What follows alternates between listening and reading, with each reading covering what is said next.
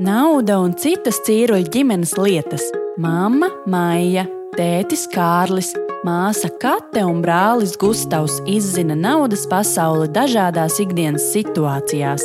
Klausies un uzzini, kā viņiem veicas.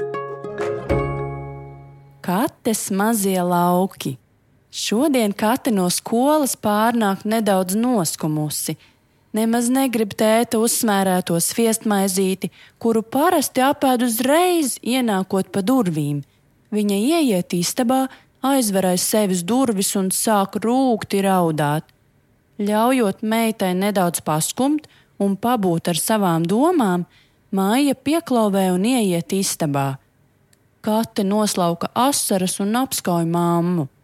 Kāpēc maniem draugiem ir telefoni?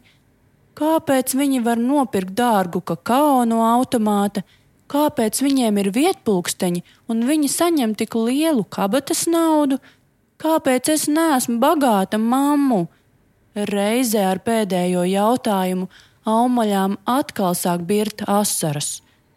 Tu taču saņem kabatas naudu, ar kuru patiešām pietiek. Paliek arī kādam pirkumam un ko krājkasē ielikt. Māma meklē skaidrojumu. Es saņemu 5 eiro nedēļā, bet, piemēram, Šarlote saņem pat 15. Sadusmojusies par netaisnību, nomurmina kate. Visu šo laiku nepamanīts durvīs stāv tētis. Viņš ieklapojas un saka: hm, Zini, Katiņ, cilvēku dzīves ir atšķirīgas. Vieniem ir vairāk, citiem mazāk bet svarīgākais taču, ka esam veseli un esam cits citam. Tad kāpēc mums ir mazāk nekā Šarlotas ģimenei? Meitene cērt pretī jautājumu. Nu, Šarlotas vecāki ir uzņēmēji, arī Šarlotas vecvecāki bija uzņēmīgi cilvēki. Tas pāriet no paudzes paudzē. Tavi vecvecāki mīlēja laukus, tāpēc arī mēs ar māmu tur uzaugām. Savukārt mēs ar savu ģimeni iekārtojāmies pilsētā. Tu izaugusi jau būsi turīgāk nekā mēs, bet varbūt vēlāk sapratīsi, ka laime neslēpjas naudā. Sapņaini pabeidz Kārlis. Ne naudā ir laime, bet tas daudzumā, smaidu izmocījis noteica kate. Šo izteicienu viņa bieži dzirdējusi ciemojoties pie vecvecākiem, Katru reizi, kad vectēvs apgalvo, ka laime nav naudā, vecmāmiņa papildina, bet tās daudzumā, un abi sāk smieties. Pēkšņi iesmējas arī tētis. Taču mamma uzdod ļoti svarīgu jautājumu, kas sajauc katras domas. Meitiņ, bet vai tev nav ienācis prātā, ka gribot lielāku kabatas naudu, vajadzētu nevis prasīt, bet mēģināt nopelnīt? Es taču neprotu strādāt, turklāt man ir jāiet uz skolu, atbild Kate. Tām tev būtu nedēļas nogales, un iesākumā ar to vajadzētu pietikt. Jau ar plānu galvā atbild mamma. Vispirms padomā, kādu darbu varētu un gribētu darīt, tad uzraksti uz lapas, un rīt kopīgi apspriedīsim tālāko plānu. Visu vakaru kata lauza galvu domādama, par ko gribētu kļūt, kādu darbu varētu darīt un kā nopelnīt naudu, turklāt varbūt pat vairāk nekā ir Šarlotei. Domās viņa jau ir uzņēmēja, kas dzer dārgāko kakao un kabinetā pa telefonu kārtot darīšanas. Kabinetu viņa iztēlojas tieši tādu kā pašas istaba, bet tas viņai netraucēja justies bagātai. No rīta viņa gaida mammu un tēti, lai paziņotu, ka plāno kļūt par uzņēmēju. Nu, un kāds būs tavs bizness? jautā tētis. Precīzi vēl neesmu izdomājusi, atbild meita. Man te ir kāds piedāvājums, piemiedzot ar aci pačuks mamma. Bet savā biznesā tev būs jāiesaista arī mani ar tēti un Gustavu. Labi? Labi, Es jūs pieņemšu, piekrīt jaunā uzņēmēja. Māmas plāns ir patiešām interesants un katei tas ļoti patīk.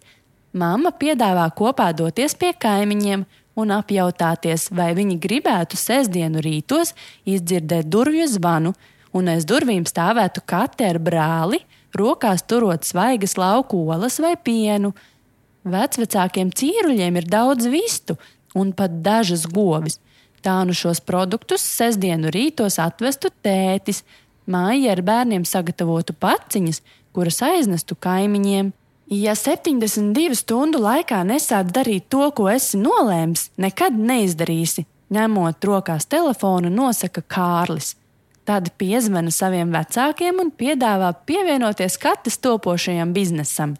Viņi, protams, piekrīt, jo arī vecmāmiņa vienmēr ir teikusi, ka viņai nav kur likt tik daudz olu, cik raibās vistiņas sadēļ.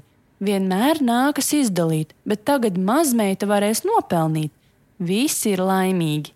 Kate burtiski lidinās mākoņos un jau gatavo runu, kā savu biznesu prezentēs kaimiņiem. Katei, Gustavam un Maijai pietiek apstaigāt trīs kāpņu telpas mājā, lai izveidotu 12 kaimiņu sarakstu, kuri labprāt piekrīt izmantot šo pakalpojumu. Jau nākamajā sestdienā Kate ar brāli mammas pavadībā iznēsā 80 olas un 4 litrus piena. Kopā viņi saņem 22 eiro. Brālim par palīdzību, nesot olu groziņu, Kate samaksā 3 eiro. Tētis par produktu atvešanai izlietoto degvielu saņem 7 eiro. Vecvecāki naudu neņem, bet mamma par palīdzību palūdz nopirkt tēju. Atņemot visus izdevumus, katei paliek 10 eiro, ar kuriem viņa jūtas ļoti apmierināta. Tā taču ir ne tāpat vien iegūta, bet savā biznesā nopelnīta nauda, Nākamajās sestdienās veicas dažādi.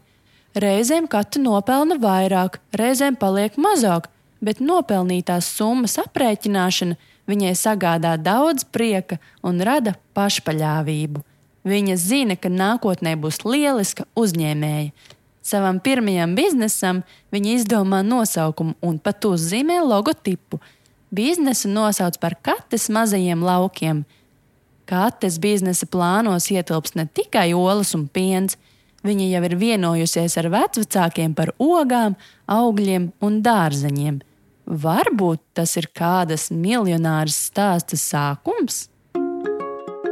Vēlies uzzināt vairāk par naudas lietām, izlasīt vērtīgus padomus un interesantus stāstus? Dodies uz Svetbanku blogu Manas finanses.